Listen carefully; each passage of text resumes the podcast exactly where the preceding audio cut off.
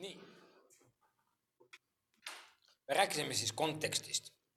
Uh, so we uh, talked about context and um, teha.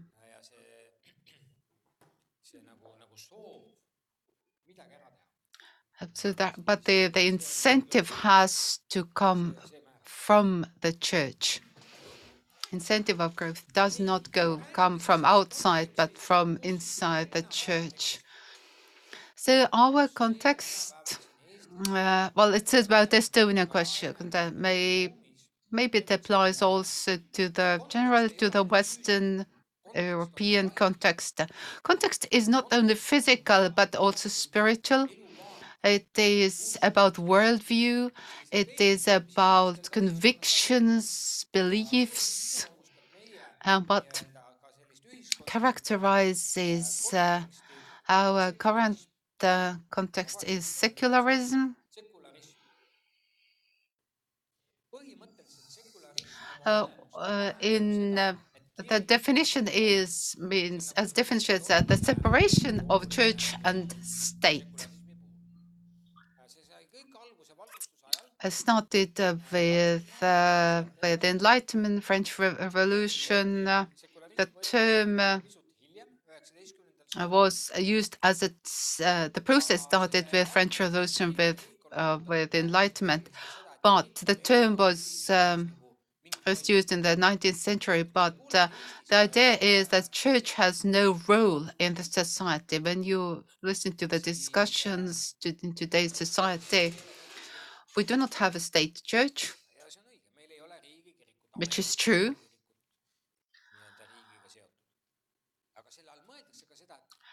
But what they mean that that the church should not interfere into any public affairs.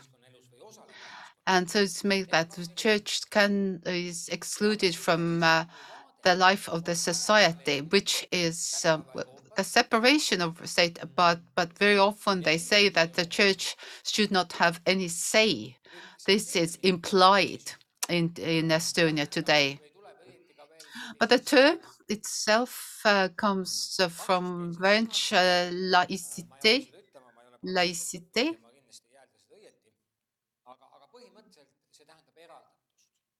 Which means ei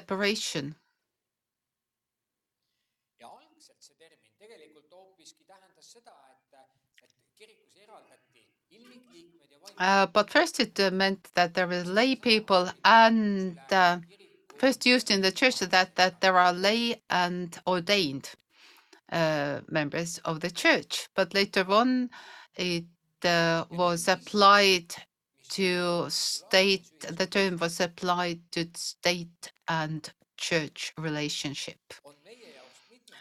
on So it's uh, secularism, the slide. I can't find it. Okay, the last slide, number 42. koostoimimine, et selle ajajärgu tõttu Because of this, uh, church has, of course, uh, does not have a good reputation from the from history. Uh, for example, today, uh, crusades, which were the, to defend Christianity, actually is against Christian. The, the, the issue of crusades is always uh, uh, the the argument against Christianity that Christianity is for, was forced on us. It's not natural to Estonians. It's not. It's a foreign religion. Estonia it doesn't matter that it's been here for like 800 years. It's still a foreign religion, for example. Okay, is still accused because of them. Leslie Newbigin actually was a missionary, also in India. But uh, when he came back, he became a very well-known um, um, missiologist, um, theologian, and this Newbigin has a lot to say about um, uh, the. He has analyzed the the, the, the maybe 20th century situation uh, in uh, in the West. But he says that we need to. Uh, but he- emphasizes that in the West we need to tell again the story of Jesus and incarnate it in our lives. Uh, so Leslie Newbigin um, works kind of give you a very good analysis of uh, the processes in the 20th century, where they come from and what happens. But anyway, he emphasizes that we need to bring Jesus uh, back into the life of uh, bring Jesus to people and incarnate in uh, him in our lives. sekularism on üks niisugune suur paradigma, milles me elame. Uh, the great the new paradigm, the new paradigm is uh, postmodernism, the two sides of the same coin. So, what is postmodernism? see on jällegi teatud maailmavaade, Uh, it is a certain worldview, and uh, nature is basically about um, opinion uh, uh, that uh, that it seems good. Uh, it's um, my choice. So post is something comes postmodernism is something that goes comes after modernism. Modernism said that the world is scientifically can be analyzed. Okay, God created the world, maybe in seven days even, or six days actually, and uh, this is God's creation and everything that that that that there there is an intelligent design in creation but um, for science it is a problem because we do not have facts and as long we do not have facts we can't believe it Well, actually, we can't. Okay. but but uh, uh, so modernism. Uh, that's the idea of modernism is is basically um, tõestused ja siis uh, based on reason, on facts, on on on searching. But today, to we call uh, about uh, uh, how you feel about this world. räägime nagu hea, people feel it is exciting, acceptable, is uh, quite kui me seda eirame, the possibility that we reach them is quite high. So there today, yeah. So people go for for what they like, what is opinion, what seems like good for them. So uh, truth or the the sort of what is um, the facts were the criteria. But today the feeling, how you feel about it. Therefore, the, we have uh, a lot of all sorts of spiritual practices because people it makes people feel good. It doesn't matter whether these spiritual practices are science based, but it seems good to me. It works for me. So they do not look for truth. They look for some, something that feels good, that feels okay, feels. This about opinions. It means that everything is permissible, everything is possible. You can choose. It's not about truth, about facts anymore. pastorina Uh, as a pastor, I've seen uh, uh, people uh, come and uh, and convert to Christianity, uh, and then I start to ask for people that were that that Christians have been said that that uh, marriage is the place where when you can be together as a man and wife, and then people uh, cohabit, become Christians, they become uh, members of the church. Some people can't get if you if you, can't uh, become a member of church, you are not married. You have to set your to- But how we can influence their lives that they would uh, accept the Christian standards. And this is a long process sometimes. Uh, it doesn't happen uh, um, overnight.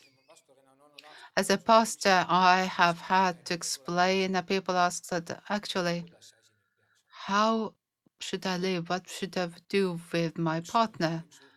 One uh, case when the young people they had been living together, they both converted, and the guy calls me. I can't, I can't go sleep. So what? Because my heart is because I can't go to the same bed with my partner because I feel it's not right. They came the right late night, and we we we, we counseled them. As a result, they decided that they are not sleeping together before uh, until they get married. Well, well done. Not not every, not all the cases are so so easy. There have been it's been that, that people actually do not ever ever get to the idea that why should they get married? What's the point? Even being a Christian and being a Christian, which means that we do not uh, understand what is people's mindset. There are many people who come that they have first uh, goes on no this is that, that that and they they get bitter they go they do not get to that uh, when they are forced to change their ways. It doesn't again work because they leave. So pastoral care is extremely important especially when they are new Christians because not everything is permissible in the church so when we, we talk about morality but how we do it, how we build the bridge that th- that they will still remain Christians and get uh, their lives together, and the church could upheld their high standards, moral standards as well.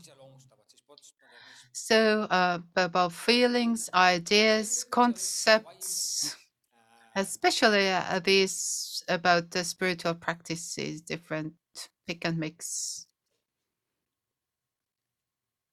Um, pick and mix spiritualities.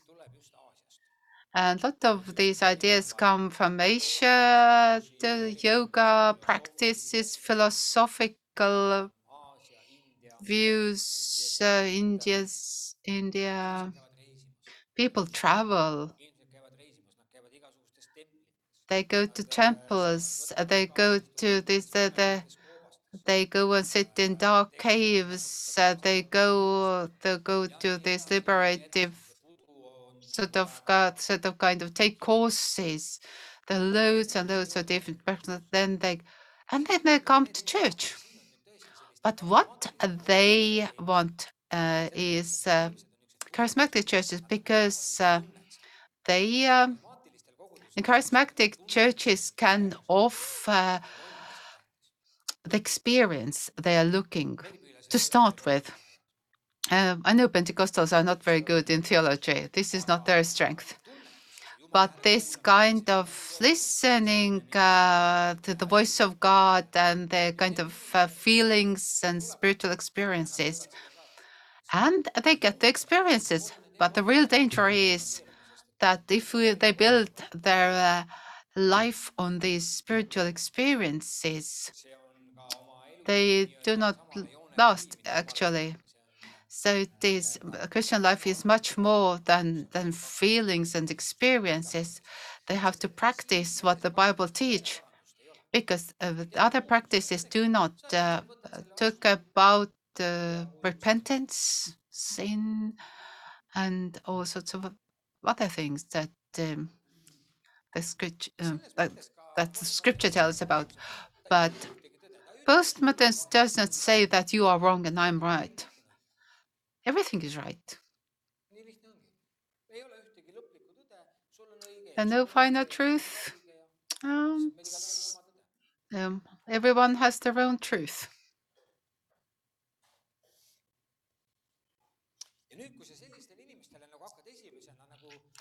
And now- When you say that, um, okay, And then you kind of press them against the wall and say that this is how things are now. Okay, we have to say what is truth and what we uh, believe, but it means that that the, the person has to be ready to listen to this.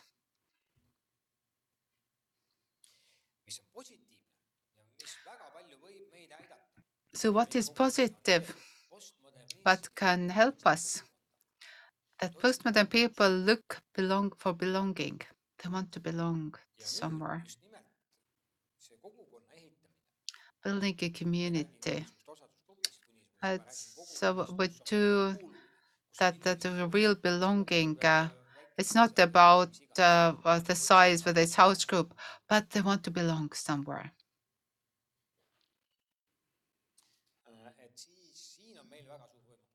Then this is our opportunity that the relationships with people are important. I was once a young uh, pastor, and väga was assistant. Uh, uh, there was a, a lady who lived in Lasnamäe, Uh, and he came to the New Christians uh, class, uh, and then and he and she consulted me that they start started to to to put in uh, into the house group in his flat, and then he she did not come to church. And where you been on Sunday morning? That the people come to me on Sunday morning, and instead of coming to church, I'm doing uh, I'm doing this group because because this is the best time to for for gathering people. Okay, why not? So our we we concept we are Sunday centered, Sunday morning centered churches. Yes, it's a value, but she had a mission, and but she fitted in uh, with the, with the, with the people's needs and, and said that okay, I support you.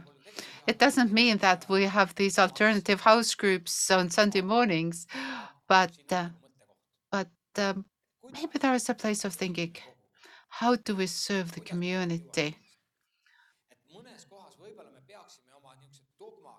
Sometimes we should maybe put our dogmas aside and um, kui and really look around.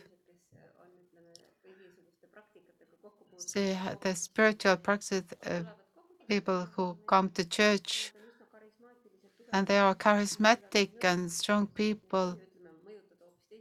Ütleme, mõjutada hoopis teises suunas. Uh, Can they influence it because because they uh, they are not founded, but they are very charismatic. They are very uh, sort of strong personalities. Uh, now they come to church. Uh, do they influence the church in the wrong way? Yes, the right. The whole world is uh, full of dangers. Do we uh, want the, the safe, play it safe, or we take the risks and and and reach out to people? It is play. It is Yeah, we want to play safe. Yes, do we have experiences that people uh, are are coming to church and start to to to teach something different? One alpha group uh, was about New Age people. They they thought that that, but they uh, accepted Jesus. That this Jesus experience took everything over for them. There are uh, Christians um, still now. Suddenly. uh, the past in that that actually they made a break, clear break with coming but there are examples where people have come, but they do not have this real conversion and change of life that now I know that I'm going to follow Jesus. There is a kind of mix, and these things don't end well. As a G, uh, we need uh, this uh, the quality conversions. It's God's work, it's our teaching.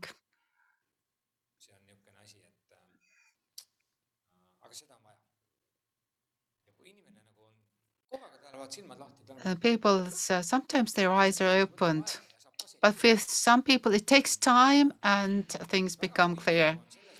They come to the knowledge of truth. And I've seen it over years how people convert, how they um, acquire this new worldview and uh, way of thinking. And it takes sometimes long time. And how you protect your people when some uh, newcomers are not so mature in Christ.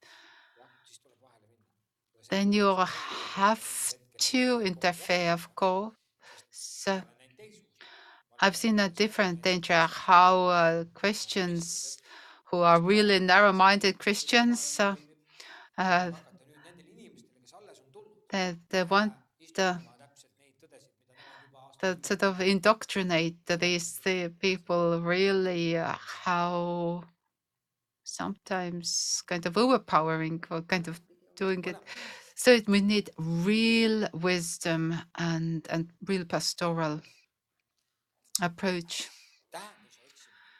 Uh, they look for meaning, looking for meaning, meaning of life.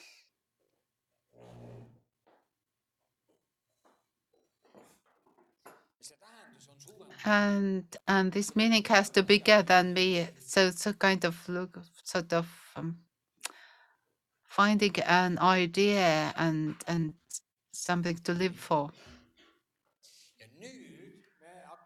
Now we change the topic. Uh, we, we have been talking about Donald McGavran, the, the numeric growth, the context and everything. And now next uh, topic that uh, concerns actually your fir- your your essay. And this uh, and and talk about church health. I think it's the next set of uh, slides, if you can open it in moodle okay. ütleme niimoodi, et siin on see ajatelg, siin on tuhat üheksasada viiskümmend viis. okay so it was 1955 when the church growth movement started and now it's 2020 liikumine, koguduse kasv hakkas siit nagu minema. and um, tuhat üheksasada üheksakümmend, isegi juba natukene varem some, some, sometimes in 1990s hakkas kooruma uh, the the there was kind of criticism developed uh, against the church growth movement. because the first criticism was clearly that if that numeric numbers are not the only indicator. And pastors uh, force that they, have to their success is measured by numbers. Their only uh, purpose is the growth. And they went to the extreme So you're a pastor and worthy of uh, of uh, you, know good pastor when your church uh, grows numerically. And the second criticism that was so methodological and technical. Uh, data, data collection, data analysis. Um, uh, um, so this was, and that and the new thing is born out of this criticism. That why, why we look at these critical questions that were asked. Another criticism was that uh, that church growth was equaled with evangelism. Donald McGavran actually said that that the churches have to grow and they have to evangelize. Evangelism equaled growth. So he made this. And evangelism is was the, the proclamation, although later on that that actually uh, the other aspects of church ministry can support it, like social work and other ära, things. See kõhk läkski ainult The emph- uh, and the it was the growth numeric growth was so overemphasized. So because it's from the business world, like like in the business world, you are somebody. It is a measure of success, and success is something that we strive for. It seems like your your self worth it depends on it. Your, your you know basically. And actually, uh, the with the growth became aim itself, and they forgot the, mission and evangelism.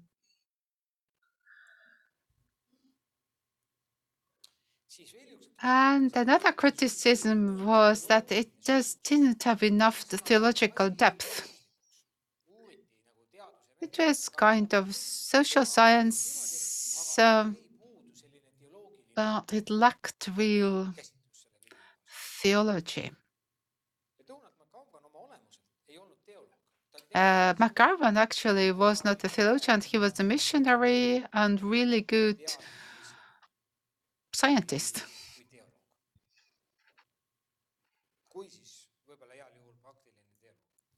Maybe, yeah, of course, he had some practice as well, but. Mm, and uh, and the law where it's that uh, the numbers were so important that, that the health of the church was forgotten because because uh, obviously a growing church is a healthy church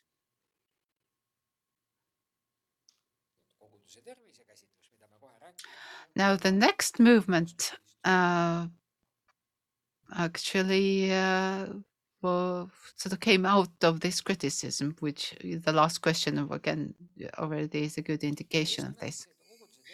Now, church health model uh, and Rick Warren, a famous American pastor uh, in California in Saddleback, uh, says that the kasv, vaid hoopis tervis. key issue of churches in the 21st century will be church health, not church growth. It's from Purpose Driven Church. ta sõnastab põhimõtteliselt viis ülesannet And he uh, identifies uh, koguduse tervise saavutamiseks. five tasks for healthy churches. First is love God, with all your heart. How we do, and then the expression of our love is worship.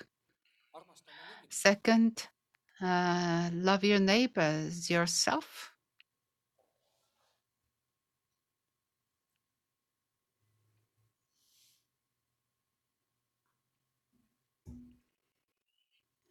This is how we minister. to people. Third is go and make disciples, multiply what you have.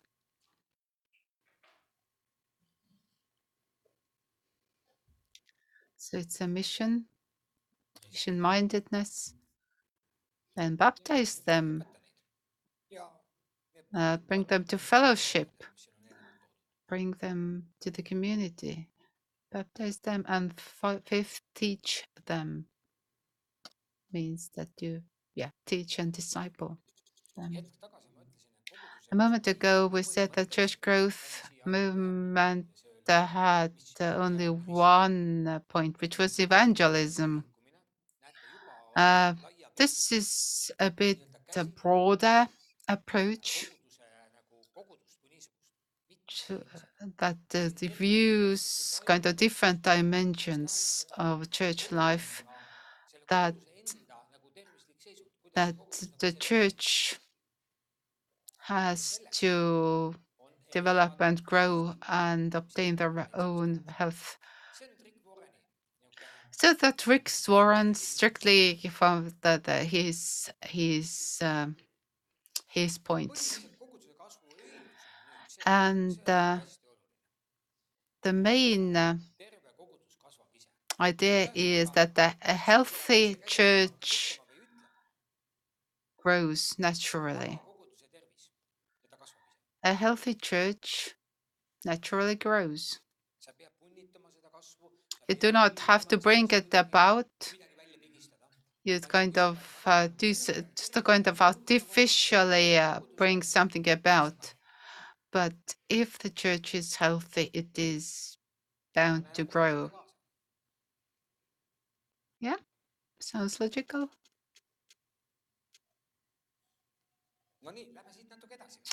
But let's see now. Now this uh, uh, what concerns your essay and uh, and about the natural church development, which uh, was um,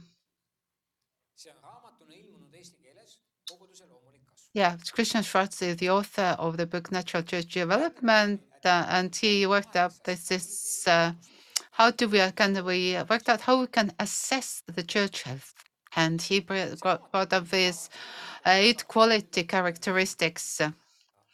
Um, so it's been translated. It's definitely available in English.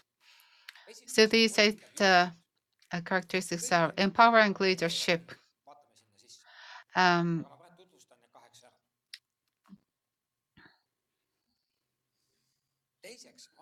second, gift-oriented ministry.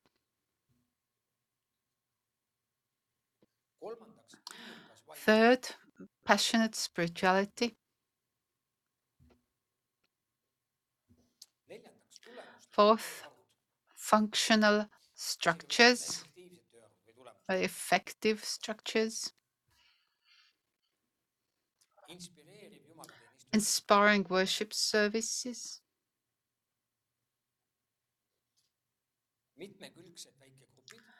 uh, holistic uh, small groups, need oriented evangelism and loving relationships.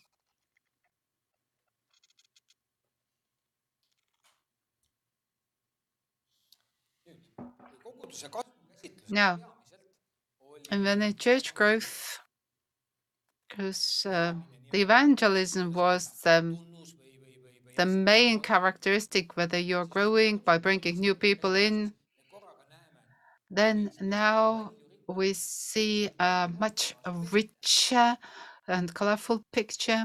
More aspects are involved.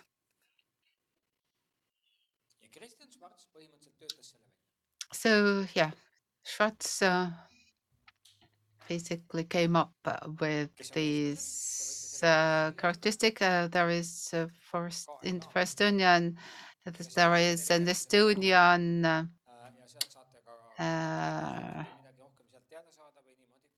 internet. Um, uh, yeah, it's a Estonian language web page, and every church can actually apply for this um, test basically and they come and help you to conduct this survey in your church this is a spec- specific um, method of analysis.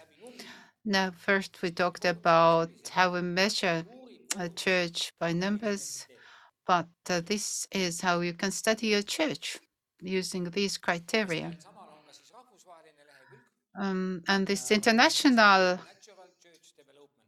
uh, NCD is uh, ncdinternational.org is uh, the web page in English, so you can uh, see the materials. Uh, it might be that the movement is in Latvia actually. Uh, NCD International. It's in your in the slides, uh, in English slides actually. If you open uh, the, the slides number two.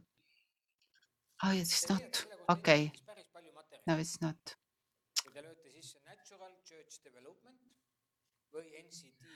Okay, if you put into search natural church of development, uh, then then you find that their material is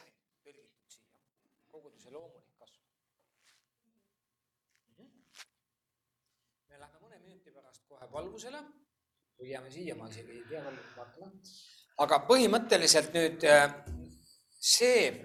Now this next picture. Says like that. How then we we that have these eight eight characteristics as one uh, kind of uh, barrel staves. Uh, and which is the weakest? Which is which is uh, the lowest uh, stave in the barrel? Where it starts to leak. shows this general average score and uh, every characteristic uh, is uh, the pastors do uh, answer uh, a questionnaire and the church members answer the questionnaire and then they are these are analyzed so it's conducted among both uh, the clergy and the lay people Schwarz has conducted uh, tens of thousands all over the world, and uh, his methodology also considers global differences for Europe, for America, for Asia, because he has enough data now. And now it says that when it's 65, and this uh, average score is 65, that probably this is either already growing or has a potential to grow. If it's below 67, if something is leadership is the weakest uh, stave, then this is the place where your, your barrel leaks, basically, because it uh, starts to pour. You know, if one of these eight is, this is where it starts to leak and you have to raise first raise that one nii, aga nüüd meil on valgusaeg. uh, selles võtmes. oh siit, see läheb nüüd nii põnevaks. well we get to the exciting bit after lunch then kogu see tervise kontseptsioon on üles ehitatud, aga sellest me räägime siis peale. okay Uh, we yeah we come to this back to after lunch and so you you will you will be free to